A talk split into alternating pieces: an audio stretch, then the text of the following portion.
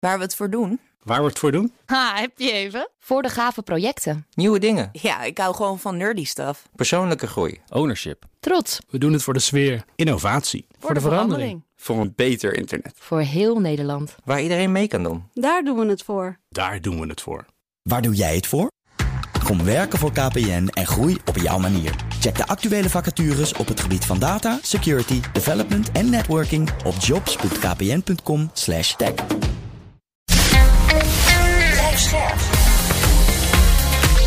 BNR Nieuwsradio. Digitaal. Herbert Blankenstein. Welkom bij BNR Digitaal. Veel van de meest waardevolle kunstwerken zijn vergankelijk, in elk geval in fysieke zin. De oplossing: je kunt ze scannen in 3D, zodat we ze ook in 3D kunnen printen als een reproductie. Wat komt daar allemaal bij kijken? Dat gaan we straks bespreken. Nu eerst de soap die de rijkste man ter wereld, Elon Musk, heeft ontketend. Niet zozeer op Twitter dit keer, maar over Twitter. Hij heeft al 9,2% van de aandelen en zou in het bestuur komen, maar zag daar toch dan weer van af. Wel deed Musk afgelopen vrijdag. Afgelopen week, sorry, een vijandig overnamebod van 43 miljard dollar. En terwijl het bestaande Twitter-bestuur dat probeert te pareren, is de rijkste man ter wereld juist investeerders aan het mobiliseren om alsnog zijn zin te krijgen. Nou, daar moet ik het dus over hebben met voormalig CEO en huidig bestuurslid van The Next Web, Boris Veldhuizen van Zanten. Ed Boris op Twitter trouwens. Ja, Boris er vroeg Twitter, bij. ja. Ja. Ja. Eh, bestuurt vandaag een beetje mee hier bij BNR Digitaal. Je bent mijn co-host. Dus welkom. Maar ehm, ja, Elon Musk als eigenaar van Twitter, vind jij dat een goed idee? Nee, eigenlijk niet. En, en niet op zich, als hij ehm, een andere track record zou hebben, zou het misschien nog kunnen. Zou je denken, wat maakt het uit wie de aandeelhouders zijn? Maar de track record als ongeleid projectiel. Precies, ja. En hij heeft toch wel al aangegeven. Hè, de- de- je hebt bijvoorbeeld eh, Bezos, hè, die heeft zich ingekocht in de Washington Post. En die heeft vanaf het begin af aan gezegd: eh, Nou, bij mij is eh, de, de editorial independence is heilig. Eh, ik ga natuurlijk nooit daar ingrijpen. En sindsdien zijn er ook heel kritische berichten over Amazon eh, geschreven eh, op de Washington Post. Ehm, Elon is eigenlijk het eh, tegenovergestelde. Hij zegt: Twitter is een zooitje en ik zou alles anders doen en daarom neem ik het over. En Vind jij Twitter een zootje? Nou, nee, eigenlijk niet. Nee, nee. Het, het- kan ongetwijfeld van alles beter. Hè. Er is wel wat aan te merken, maar een zooitje gaat echt te ver. Maar wij weten natuurlijk niet wat er achter de schermen gebeurt. En, en een beetje eh, sappige content is dat eh, Jack Dorsey, eh, de oprichter van Twitter en tot voor kort ook de CEO, die valt eigenlijk Elon bij. En die zegt, ja, die board die houdt alles tegen. En dus die... die ja, hij zegt het niet letterlijk, het is een zooitje, maar, maar, wat wel een klein dan- beetje. Wat valt er dan tegen te houden? Waar gaat het over? Nou, het, het, het schijnt dat er. ehm, eh, Jack heeft op een gegeven moment is een initiatief gestart om Twitter bijna een soort open source. Ehm, platform te maken waar andere social networks gebruik van zouden kunnen maken. Waar Twitter dan eigenlijk ook eh, gebruik van zou kunnen Klinkt maken. niet als een slecht idee. Nee, het is wel echt een interessant eh, plan. Is veel, met, met veel bombarie heeft hij dat aangekondigd. Daarnaast een stille dood eh, gestorven. En, en daar waren enkele van de problemen, zoals ja, het trolling en eh, misbruik van de service, was daar beter over nagedacht. Ja, dat is allemaal uiteindelijk niet Ja, doorgegaan. En misschien dat de board daar achter zat. Ja, nou zegt Musk, eh, die, die werpt zich op als ehm, eh, eh, verdediger van de vrijheid van meningsuiting. Ja. Wat denk jij daarvan? Nou, de- er is een, een vreemd menselijke eigenschap eigenlijk. Hè, als je erg succesvol bent eh, in iets, om dan te denken dat je overal succesvol in bent. En, en het is prima als hij natuurlijk een mening heeft over Twitter. Maar het wordt een beetje onprettig als hij dan zijn geld en daarmee zijn macht eigenlijk misbruikt om zijn mening op te dringen. Ja. Als hij had gezegd, eh, eh, een onafhankelijk iemand zou, ik- zou ik willen aanstellen om dat beter te doen. Maar goed, hij, ja, je krijgt niet de indruk dat Elon, hoewel die een, een geniaal zakenman is, dat hij hier nou precies verstand van heeft. Nee, hij wil zichzelf aanstellen, bedoel je eigenlijk? Dat, dat zegt hij letterlijk, ja. Ja, ja. Ik wil het veranderen. Ja. Ja. En ik las een commentaar op, op Twitter natuurlijk. eh, wordt daar ook veel commentaar over gegeven. En één ding wat ik las, dat vond ik wel interessant. Eh, Elon Musk zegt: Ik wil meer vrijheid van meningsuiting op Twitter. Hij bedoelt: Ik wil hate speech zonder consequenties, zonder consequenties. Nou, dat is wel een beetje de, de angst. Hè? Dus, Trump is natuurlijk ja, een heel beroemd geval. Die uiteindelijk gedeplatformd is, hè, van Twitter afgegooid. Ja. Ja, en, en veel conservatieven vonden dat heel erg natuurlijk. Het is niet duidelijk of Elon. Ja, het, lijkt niet, het lijkt er niet op dat Elon een fan is van Trump. Maar stel je voor dat hij zegt: Trump moet weer terug op dat platform. Ja, ik denk niet dat dat speciaal een goed idee is. Oh, hè, ja, hij heeft zich gewoon heel erg misdragen op dat platform. Ja, En dan is het ook aan het bedrijf om, om daar wat aan te, te, te, mogen doen. En als dan een rijk iemand zegt: Oh ja, ik ga dat allemaal uh, op mijn manier doen. Ja, dat voelt gewoon niet goed. Nee. Uh, Musk uh, heeft als idee geopperd dat het algoritme van Twitter openbaar wordt. Dan zou er geen manipulatie meer kunnen plaatsvinden. does it make sense? Nou, het, het, klinkt echt als iemand van buitenaf die scheldt zonder dat hij weet wat er gebeurt. Ja, want is er dus- sprake van manipulatie? Is daar um, nou, reden, ja, is er reden om dat te veronderstellen?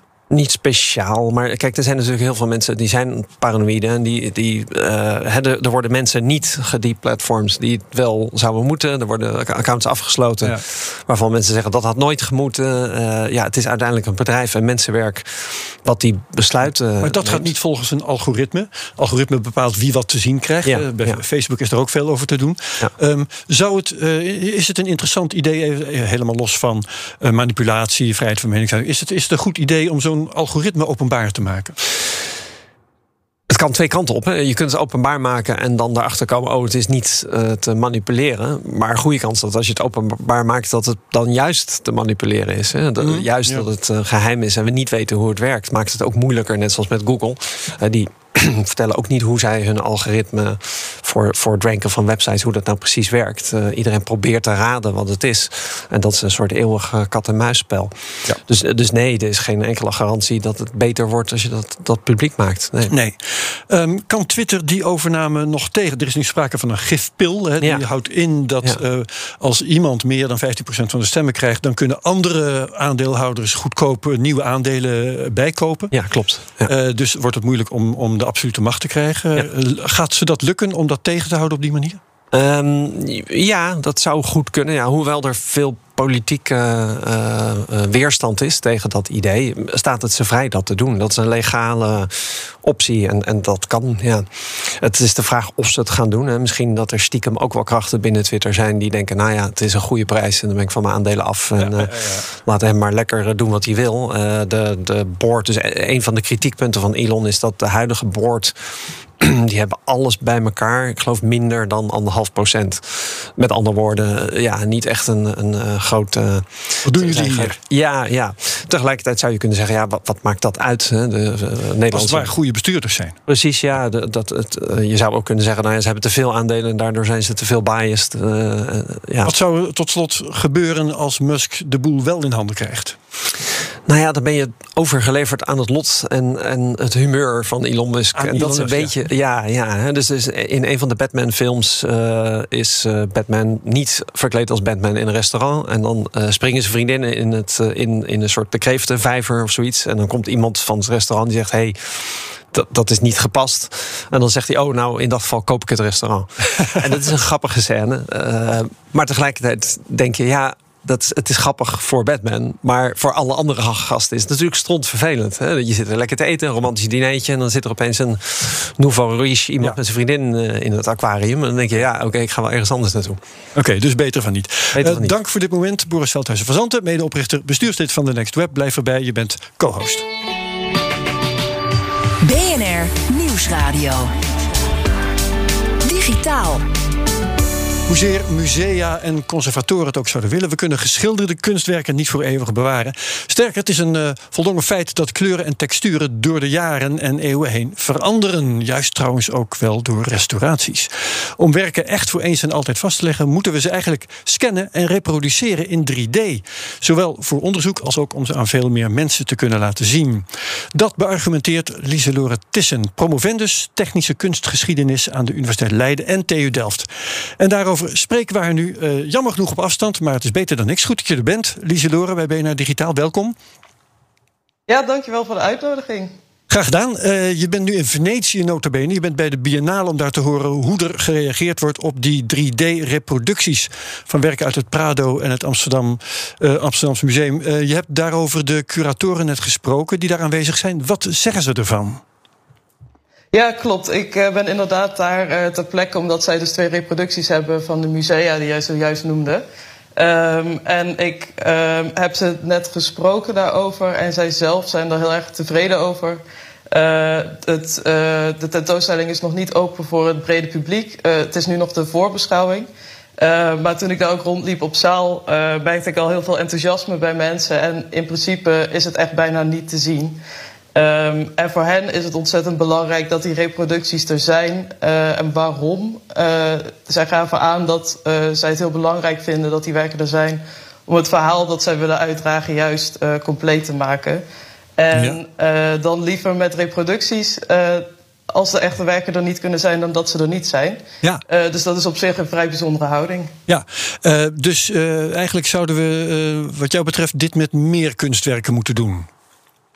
Ja, absoluut, zeker. Ja, tenzij je doel natuurlijk is... Nou ja, kijk, elk museum en elke instantie wil het liefst echte werken laten zien. Uh, maar zoals je in de introductie ook al zei, werken zijn fragiel, uh, kunnen niet altijd reizen. En dan is het reproduceren daarvan een hele mooie oplossing om toch dat ene belangrijke verhaal te kunnen vertellen. Ja. En in principe kan zo'n reproductie natuurlijk ook uh, verwijzen naar het originele kunstwerk en juist in het voordeel spreken uh, daarvan. Ja, vertel eens hoe het uh, eigenlijk in zijn werk gaat om een kunstwerk. Nou, ik wil niet meteen over de nachtwacht hebben. Laten we iets uh, kiezen wat een beetje meer handzaam is. maar, maar hoe scan en print je dat? Wat komt er allemaal bij kijken?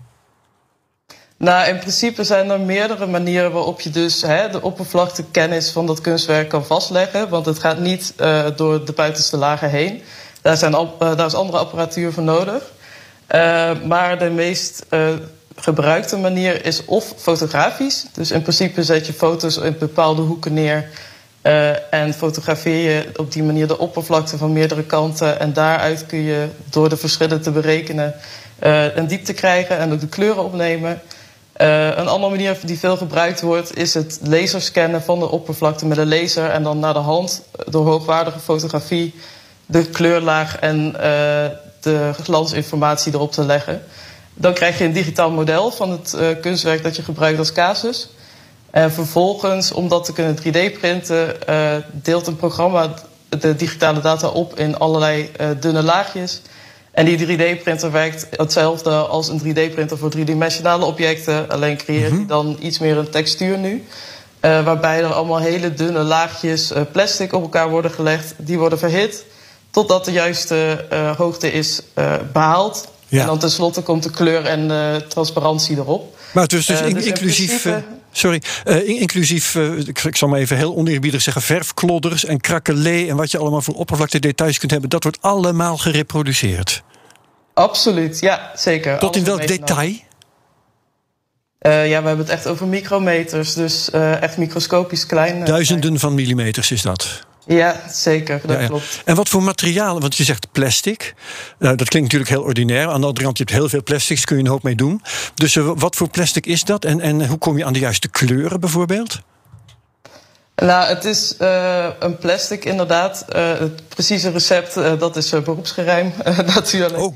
en die kleuren, die worden als het ware met inkjet ook uit diezelfde printer erop gezet. Dus eigenlijk zoals je eigen printer dat doet door hele kleine verfbolletjes in vier kleuren.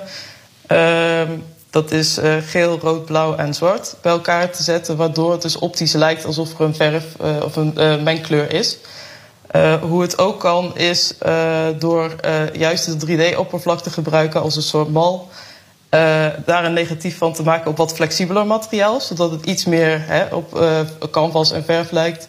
En daar vervolgens weer de kleur op te leggen, als het ware. Ja. Dus zo gaat het in zijn werk. Ja, en um, ja, je hebt natuurlijk in de kunst ook vaak discussies over vervalsingen en zo.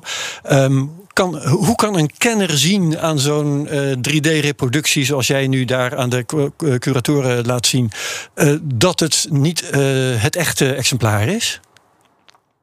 Het grootste probleem met dit soort technologieën, en dat komt ook al naar boven in als ik uitleg hoe het werkt, is dat natuurlijk de kleur pas op het laatste wordt aangebracht. En we weten allemaal dat een kunstwerk vaak bestaat uit laagjes, verschillende materialen die allemaal een eigen transparantie hebben, een eigen gedrag.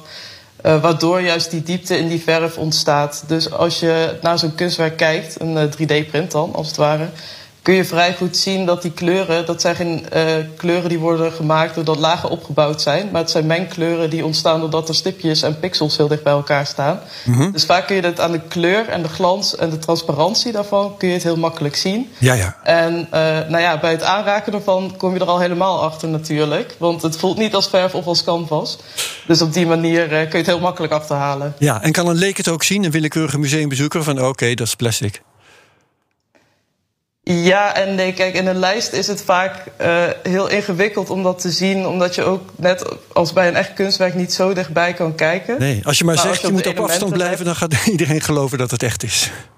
Nou ja, eigenlijk wel. Tenzij ja. Uh, ja, de afwerking niet echt heel erg goed gedaan is, bijvoorbeeld. Dan uh, kun je inderdaad zien van hé, dat heeft echt een, een, beetje een dood of een plastic gevoel. Maar inmiddels is dat reproduceren dusdanig goed dat je het van een afstandje met een lijst eromheen echt nauwelijks meer kan zien. Ja. Heb jij zelf ook een uh, gereproduceerd kunstwerk van, uit een 3D-printer thuis hangen? Ja, zeker. Ja, ik heb het puttertje heb ik thuis hangen en ik heb een Van Gogh in mijn uh, eetkamer. Dus uh, nee, zeker. Ja. Geweldig. Um, zijn de ontwikkelingen op dit vlak hard gegaan de afgelopen jaren? Is er ja, een revolutie gaande? Ja, ja en nee. Het, het, is, het mes naar natuurlijk aan twee kanten. Want het is een hele niche markt. Het reproduceren van schilderijen waar ik me met name mee bezig hou.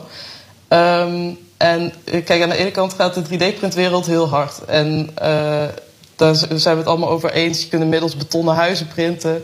Uh, dat, dat ontwikkelt zich allemaal wel. Maar op het gebied van kunst is dat toch vaak wat lastiger. Juist door die hele authenticiteitskwestie. En omdat we nog niet zo goed kunnen duiden wat we er nou van vinden. En we vinden het allemaal maar uh, nou ja, vreemd en uh, eng. En we willen geen vervalsingen. Ja. Dus de vraag uit de kunstwereld die is nog niet zo heel groot. Waardoor op het gebied van uh, nou ja, bijvoorbeeld schilderijenreproductie... Ja.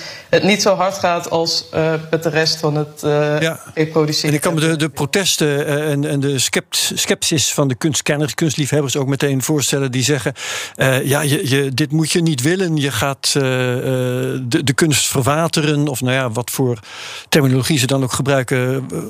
Hoor jij die geluiden inderdaad? Of verzin ik dat maar? Nee, nee, dat uh, heb je absoluut goed. Ja, daar loop ik zelf ook met mijn onderzoek heel erg tegenaan. Uh, omdat vaak als ik loskom van gewoon ja, ik zoek nog een casus, die wil ik graag reproduceren of ik wil daar iets mee doen met 3D-printen, dan is het vaak oh nee, ja, nee, laat maar. Uh, want het lijkt, uh, nou ja, het, dat is de crux ook een beetje. Uh, als iemand een reproductie maakt, dan moet die zo echt mogelijk lijken. Maar 3D-printen benadert het zo erg dat het gelijk een beetje eng wordt. Ja. En ja, en het dan vooral is van ja, waarom zou je dat willen als het echte werk er ook is? Ja, nou ga, vertel dat dan maar. Waarom ja. doe jij dit? Waarom, wat zijn de grote voordelen? Waarom moeten we het juist wel doen? Nou ja, zoals dat uh, Prada uh, museum waar ik zojuist was. Voor hen was het uh, het geval dat zij heel graag een bepaald verhaal willen vertellen. En kunstwerken gebruiken om dat verhaal uit te kunnen drukken. En als een kunstwerk niet kan reizen, maar wel goed dat verhaal kan uitdrukken... dan kan een reproductie dat in dit geval net zo goed. Um, daarnaast zijn er ook veel kunstwerken die totaal uit hun context onttrokken zijn. zoals bijvoorbeeld een altaarstuk dat staat nu in een museum, maar dat uh, hoorde eigenlijk natuurlijk bij een soort uitvoering in een kerk. Mm -hmm. Dat hoorde bij een heel ritueel. Uh, reproductie zou bijvoorbeeld die plek kunnen vervangen. Um, wat nog meer belangrijk is, is natuurlijk ook dat hoe we een schilderij nu zien, dat is slechts een momentopname van hoe het er ooit uit moet hebben gezien. Want zoals jij ook al in de introductie zei, uh, kunstwerken die transformeren door restauraties, die transformeren door de tijd, omdat gewoon hun uh, materiaal veroudert. Het verandert van kleur, ze krijgen een krakelurenpatroon. Ja. Uh, door middel van het 3D-reproduceren zou je dus bijvoorbeeld uh, kunnen visualiseren hoe de kunstenaar zijn kunstwerk heeft opgebouwd of hoe het er een eeuw geleden uit moet hebben gezien. Ja. Uh, wat natuurlijk ook weer een heel andere perceptie geeft van dat hele werk. Ik begrijp. En we weten allemaal uit zo'n programma als Het Geheim van de Meester dat er wel interesse in is. En ja, met een reproductie kun je dat doen op een manier waarop je het schilderij niet ja. hoeft te beschadigen. Dus het is ontzettend leerzaam uh, in mijn optiek ook. Oké, goed. Uh, hartelijk dank Lieselore Tissen, promovendus technische kunstgeschiedenis aan de Universiteit Leiden en de TU Delft. We gaan je werk volgen en we vragen je vast nog wel een keertje terug. Zometeen in BNR Digitaal de 50 videogames die je gespeeld moet hebben in je leven. En wat moeten we verwachten van het betaalde podcastplatform Podimo? Of is het Podimo? Dat hoor je zo. BNR Nieuwsradio. Digitaal. Herbert Blankenstein. Welkom terug bij BNR Digitaal. Videogames bestaan alweer ongeveer een halve eeuw. Welke titels vormen het kanon van dat medium? Dat bespreken we zo. Ook met mijn co-host van vandaag, Boris Veldhuizen van The Next Web. Welkom, Boris. Dankjewel. Nu eerst. Laat mij maar even. En vandaag laten we collega Linda Kloosterboer even. Redacteur bij BNR, ook voor BNR Digitaal. Onder vele anderen. Ehm, en jij wilde het hebben, Linda, over het nieuwe podcastplatform Podimo. Of Podimo. Wat is jouw voorkeur? Podimo. Oké, we gaan het even vragen aan Google Translate. Podimo. Ja, zie je, daar ga ik meteen alweer de mist in. Hè? Het is gewoon uh, alle nieuwe fenomenen. niet meer zo toe, hè? Want maar de, wanneer bespreek je het nog? Ja. Er is nou inderdaad, en, en dat merk ik dan ook als ik zo'n naam tegenkom, dan bedenk ik, hé, hey, ik heb dat nooit uitgesproken horen worden. Tenminste, niet door iemand die het echt weet, iemand van het bedrijf zelf bijvoorbeeld. Ja. Um, en als je het op YouTube gaat rondvragen, althans eh, YouTube-filmpjes gaat bekijken, hebben we gemerkt, hè, dan is het opeens Podimo. Ja, ik heb natuurlijk even wetenschappelijk onderzoek gedaan op YouTube. En toen kwam dus, ik dus wel Podimo tegen. Dus daar voel ik me meteen bij comfortabel. Maar goed, het is een beetje hetzelfde als YouTube, YouTube. Uh, WhatsApp over... of WhatsApp. Ja, precies. Maar dan onderscheid je je wel tussen de oudere generatie, hoe die WhatsApp uitspreekt, en oh, dan de jongere oh, generatie. Ja, nou ja, goed. Maar misschien over zoveel tijd komt het eruit dat ik dan ook de oude generatie ben. Dus nou ja, ik Vroeg of laat? Veel, uh, ja, zeggen. Laat waarschijnlijk. Um, nee, maar goed. Um, een van de grootste podcast-uitgevers van Nederland uh, is nu overgenomen door Podimo of Podimo. Uh, dag en nacht media hebben we het over. En Podimo wil 2 miljoen betalende Nederlandse abonnees uh, mobiliseren. Ja, dat is best wel een uh, ambitieus aantal. Dat heeft de oprichter van Podimo, Podimo ja, uh, aangegeven. dat als dat niet bereikt zou worden in Nederland, dat hij dan best wel teleurgesteld zou zijn. Ik hoor al andere geluiden van mensen die daar al wat cijfertjes van afhalen. Maar ze zijn wel een hele nieuwe speler ten opzichte van grote spelers zoals Spotify, Apple, die natuurlijk wereldwijd ja. ja. de, de markt bestieren. En nu komt een Deense ja, partij toch nu in Nederland binnengeraast. En nou, best wel ambitieus. Er zijn best wel wat podcastnamen die ze hebben opgekocht. Ehm, nou ja, uh, zelfs podcast. Dat kennen de aanwezigen denk ik hier ook wel. Penning en concerten. Ja, ook, maar dit komt nooit meer goed. Malou Holshuis en Roos Slikker. Nou ja, eh, zo zijn er nog een heleboel op te noemen. Ook een andere die ik heel erg vaak uh, graag luister. Um, nou ja, goed, het gaat over geschiedenis van Nienke de Jong. Um, en Alle geschiedenis ooit, hè? Precies. AGO, ja. En die, ja, die komt dus ook uiteindelijk, hè, want het is dus gelanceerd afgelopen vrijdag. Uh, nou, grote namen dus bekendgemaakt. Je kan nu een proefperiode kan je starten uh, om dat te gaan luisteren.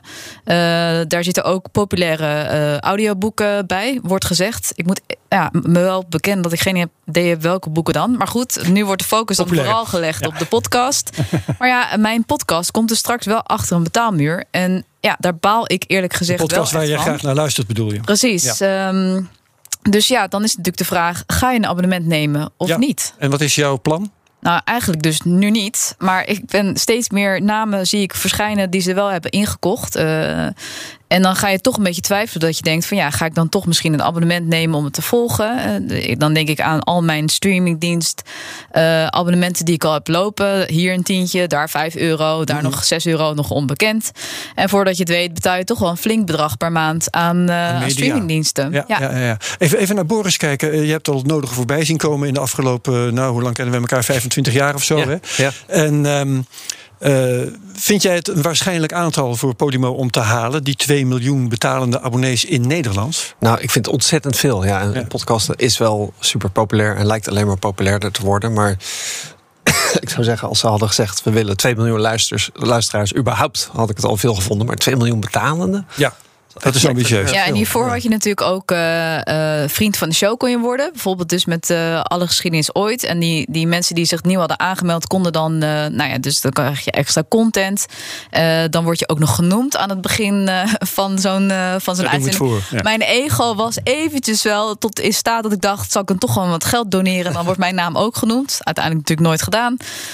maar goed, er waren wel al verdienmodellen, constructies waarmee podcastmakers op dit moment werkten. Maar dit is wel echt een nieuw nieuwe stap die ze maken.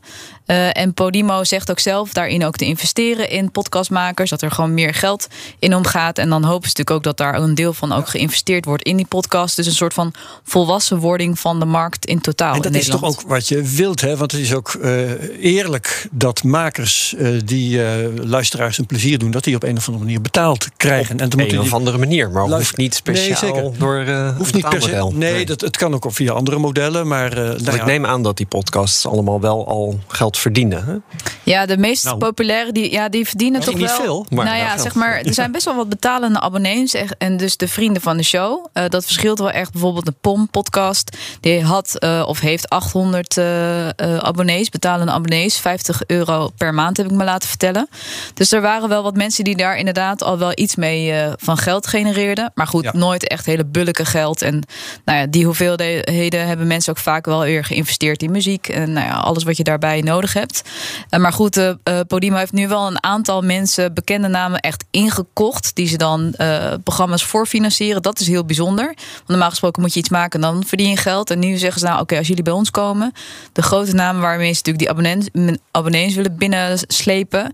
Ja, die financieren ze al wat voor. Zodat ze en die commitment met elkaar aangaan. En al die luisteraars gaan, hopen ze natuurlijk die kant op. En dat abonnement uiteindelijk betalen. Ja, en dat uh, wat, wat ze beschikbaar stellen, wat ze investeren in nieuwe podcasts, dat gaat natuurlijk wel weer af van wat de makers betaald krijgen.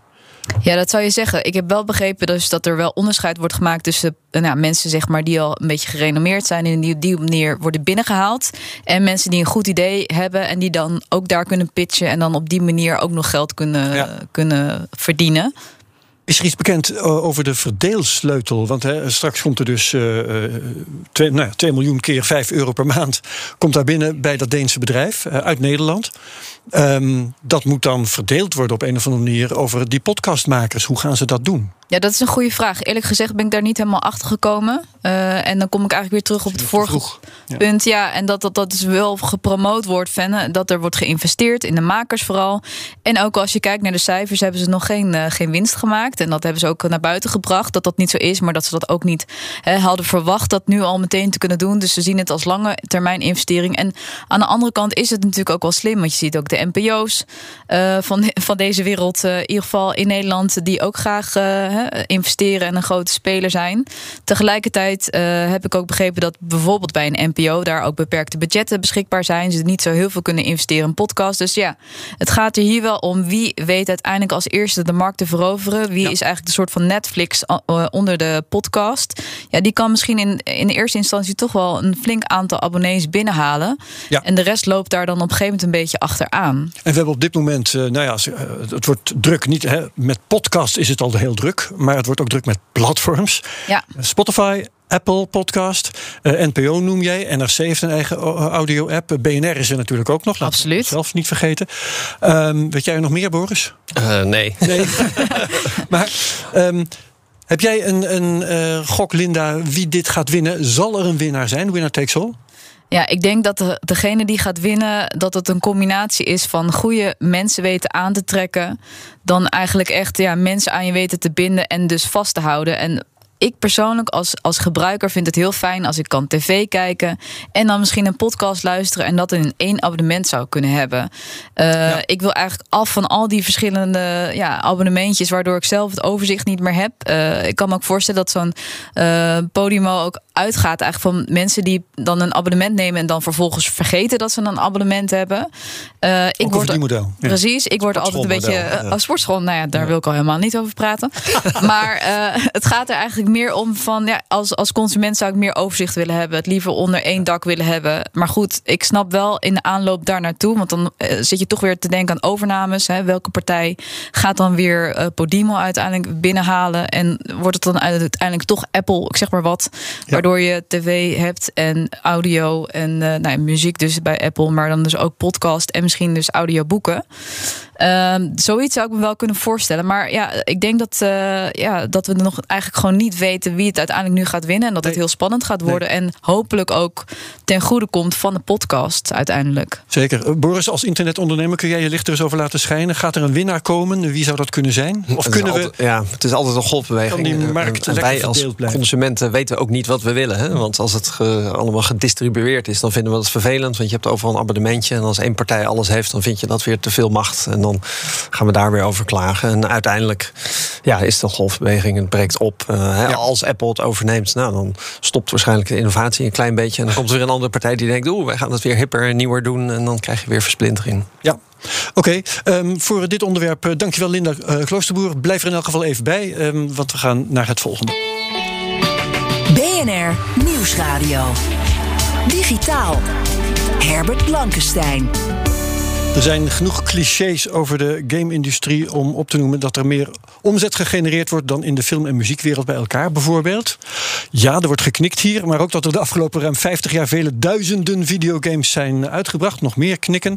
Um, wat zijn nou de mooiste, de beste, de belangrijkste games aller tijden? Nou, die lijst is samengesteld door gamejournalist Ronald Meus. Hartelijk welkom. Dank je. Met het boek 50 games die je gespeeld moet hebben. Nou, dat is duidelijk. Uh, daar gaan we je nu over spreken. Welkom, Ronald.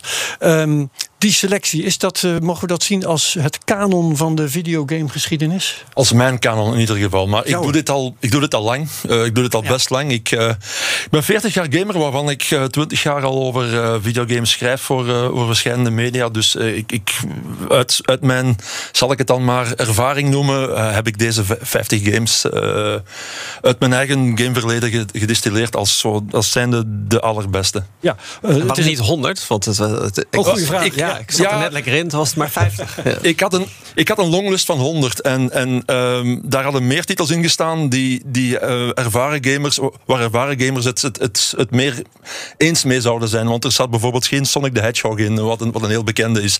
Uh, maar ik wou het compact houden en uh, ja, je, je, kunt, je, je, kunt daar heel ver in gaan. Ik, ik, ik kan ook richting de, de Taschenboeken kunnen, kunnen gaan met, met duizend, maar ik, ik wilde een compact werken en ik wilde ook een, een, een vlot doorleesbaar boek, ook, ook voor niet-gamers, die, die, die, misschien worden aangetrokken om, om het toch eens te proberen. Ja. Voordat we het gaan hebben over wat er wel in staat, er zijn natuurlijk altijd mensen die zich dan afvragen: waarom staat mijn lievelingsgame er niet in? Wat zeg je tegen die mensen? Ja, dus die, misschien stond hij in, de, in die longlist van 100, misschien ook niet. Ja. Uh, ik weet het niet. Ja, ja. Dit, is, dit is mijn lijst. Zeker. En, en, welke, Herbert, welke stond erin die jij niet... Welke miste je? Nou, ik ben geen gamer, dus ik miste helemaal niks. Dus ben, daar gaan we het nog over hebben. Dat komt, komt aan de orde. Nee, maar ik heb, uh, dat is wel grappig, want ik heb wel de vraag... Uh, van welke game wordt het vaakst gevraagd? Waarom staat hij er niet in? Uh, ik vermoed Final Fantasy 7 en. Waarom niet 6? en ik, ja. De, dat heeft zijn eigen reden. Die, ja, nee, die, ik, binnen die reeks had die ja. Final Fantasy 7 echt, echt, echt, uh, echt te gaan voor me aan. En uh, ja, ik vermoed Sonic the Hedgehog. Hè. Uh, uh, maar goed, ja, als ik er echt, als ik er echt een, een top 100 van had gemaakt, dan hadden die er uh, ongetwijfeld tussen gestaan. Ja. Maar misschien op 51 of zo, wie weet. Uh, ik, heb, ik heb er ook geen top 50 van gemaakt. Ik, ik, ben, ik ben door de, de, de vijf decennia gegaan. Meer een, een chronologische lijst. Zoiets, van ja. Tot, ja. tot en, en in elk tijdperk toch de toppers eruit getrokken die volgens mij er bovenuit springen. Is er iets waarvan je kunt zeggen, uh, is er een overeenkomst tussen die 50, behalve dan dat het jouw favoriete games zijn? Um, het zijn niet ik, allemaal shooters, het zijn ook nee. niet allemaal multiplayer, online, bla bla bla. bla. Ik heb er altijd een punt van gemaakt om videogames te bespreken als, uh, als een medium. Als een entertainment en als uh, een kunstmedium. En uh, de rode draad door, door deze 50 lijkt mij vooral dat, dat, ze, dat ze de gamer of de persoon die het speelt raken. Op een, op een emotionele manier ook. Ja. Dus niet alleen op een zintuigelijke manier of, of, of, of, of hem of haar uitdagen, want dat doen, doen games natuurlijk ook, maar dat, dat, dat, dat ze je ook emotioneel raken. Oké, okay. nou dat zal ik, zal ik je wat vertellen, want uh, ik heb uh, als niet-gamer dus heb ik door uh, jouw boek zitten bladeren um, en ik kwam een aantal games tegen die je kende, een aantal andere die ik heb gespeeld.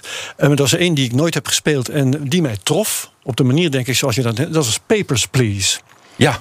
Ja. Um, zegt er jou dat wat nee, Nee, nee, dus ik, okay. vertel. Ik denk te snappen waarom, dat, inderdaad. Dat is een game waarbij je uh, van uh, voorbijgangers de papieren moet controleren... op zoek naar, uh, wat, ja, wat is het eigenlijk, terroristen of zo? Of in elk geval mensen Precies, die... Ja, ja. die een immigratie, een immig, je bent een immigratieambtenaar. Met pluisjes. en tegelijkertijd zit er een element in...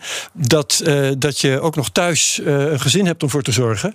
Dus er is een incentive zeg maar, voor corruptie. En ik vond dat echt Want je geniaal. verdient te weinig. Ja, precies, precies. Uh, dat is het mooie aan dit medium. Uh, een videogame is, is altijd een simulatie. En uh, dat maakt het medium heel erg geschikt om, om jou als speler iets, iets echt te doen doormaken. Ja. minder, dan, minder dan eigenlijk eender welk ander game. in, in welk ander medium kan. Ja, nou, um, wat ook in de lijst stond was de game die ik waarschijnlijk nog het meest gespeeld heb. Als niet-gamer, maar toch wel wat uurtjes ingezet. Dat was uh, Arkanoid. Mm -hmm. um, waarom hoort die erin thuis? Uh, uh, toch een beetje door het, door het zintuigelijke en, en, en ook door, door het. Door de manier waarop. Want Arkanoid is, is, is gebaseerd op een, op, een, uh, op een veel oudere game die nog ontworpen is door Steve Jobs en, uh, St en Steven Wozniak. Breakout, precies. Ja, ja. Uh, Voor maar, wie het niet weet, je moet een, een, een, een bende bakstenen als het ware precies, moet je ja. kapot schieten. Eén voor één. Nou ja, dus zo simpel maar deze verheft dat echt tot, echt tot een kunst. en het is een, het is een, het is een visueel kunstwerkje dat je, dat je eigenlijk dingen doet zien. Uh, pas na verloop van tijd, want, want die, die, die, uh, het wegtikken van die blokjes trekt dan nieuwe beelden naar voren en zo. Ja. Ja, um, ik, ik ga even naar Boris kijken. Die ja. heb ik ook met de brede grens uh, te luisteren nu.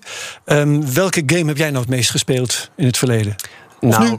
Tetris heb ik, staat met stip, stip op één. Die heb ik echt het meest uh, gespeeld. Dat ook voor Linda, de vinger ja, gaat omhoog. Ik, uh, ja, ja, nee, daar ben ik ook echt fan van. En het is ook zo'n schattig verhaal van die 28-jarige Russische uh, onderzoeker die dat maakt. En daar eigenlijk stinkend rijk mee had uh, moeten worden. Maar goed, dat was in de Sovjet-Unie. was het is bijna een Tom Clancy-achtig spionageverhaal. Want die game is eigenlijk clandestien in Europa beland. Vo ja, voor, voordat Nintendo een afspraak maakte met, met, met de Russische overheid. Oké. Okay. Heel mooi verhaal. Ja, ja. Um, mooi. Uh, welke game uh, uit uh, jouw lijst. ik ben dus een non-gamer. De meeste games die, die jij bespreekt heb ik nooit gespeeld. Welke moet ik het eerst proberen?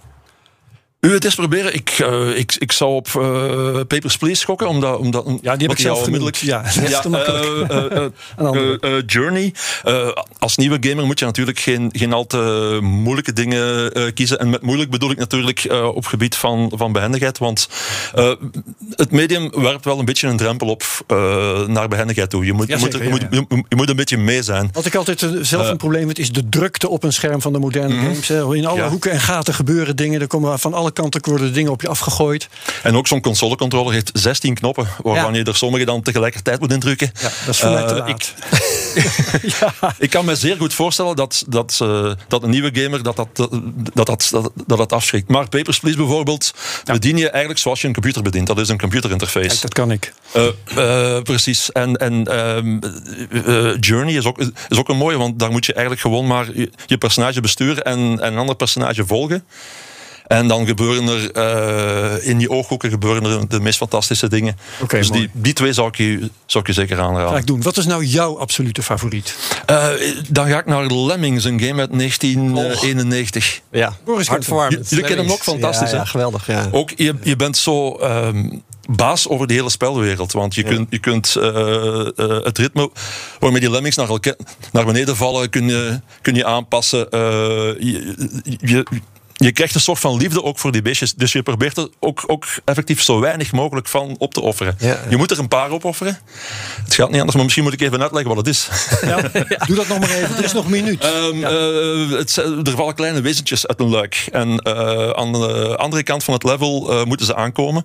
Maar op, in de, op weg daar naartoe zijn er kloven en zijn er vleesmolens en zo verder. En je moet ervoor zorgen door te bouwen of door... Of door Soms of door, door een paar te op te offeren. Ja, door een paar op, op te offeren moet je ervoor zorgen dat, dat de kudde uiteindelijk aankomt. Ik ben wel okay. benieuwd wat de gemiddelde luisteraar denkt die nu inschakelt. Ik ga snel gamen. ja. um, Tot slot, uh, onze collega Joe van Buurik, gamedeskundige, uh, gamejournalist, die heeft hier dol enthousiast Elden Ring gedemonstreerd. Waarom staat hij hier niet in? Uh, wat hij er niet in, in thuis hoort. Dus het is een, een, een, een, verwoede gamer gaat zeggen dat dat Elden Ring de beste game aller tijden is. Ja. Uh, en, en volgend jaar zeggen ze weer wat anders. Uh, nee, nee. In, in, in, dit geval niet hoor. Ik bedoel, dit is, hij steekt er qua, qua worldbuilding, zoals ze het noemen. Dus, dus de manier waarop, waarop die wereld is geconstrueerd en waarop, waarop alles met elkaar klopt, is dat echt wel fantastisch gemaakt. Maar die game is zo ontzettend moeilijk om te spelen. Gewoon in de gevechten dat, dat um, het te hermetisch is. Eigenlijk. Okay. En, en, je, zeggen dat Elden Ring de beste game aller tijden is, is het zeggen is hetzelfde als zeggen dat The Tree of Life de beste film aller tijden is. Okay. Uh, of Koyanis Katsi of zoiets. Zo'n gewoon een beeldenstroom. Uh, waar, verder, waar, waar, verder geen verhaal in zit. Uh. Oké. Okay. Dankjewel. We moeten het hierbij laten. Gamejournalist Ronald Meus. Het boek 50 games die je gespeeld moet hebben is nu te bestellen. Ik dank ook tech-collega Linda Kloosterboer. Dankjewel. Ik dank Boris Veldhuizen van Zanten van The Next Web. Tot slot, je kunt BNR digitaal terugluisteren via bnr.nl, onze app of via de podcast-app die jij gebruikt. En daar vind je ook mijn andere podcasts zoals de Cryptocast, de Technoloog en Space Cowboys. Deze week in de Technoloog bijvoorbeeld hebben we het over militarisering van de ruimte. Want zonder dat domein kun je geen militaire operaties meer uitvoeren, zegt luitenant-kolonel buitendienst Patrick Bolder. Wat BNR digitaal betreft zeg ik heel graag tot volgende week. Dag. Bij BNR ben je altijd als eerste op de hoogte van het laatste nieuws. Luister dagelijks live via internet. Bas van Werven. En heel langzaam komt de zon op rond dit tijdstip. Je krijgt inzicht in de dag die komt op BNR, het Binnenhof in Nederland en de rest van de wereld. De Ochtendspits. Voor de beste start van je werkdag. Blijf scherp en mis niets.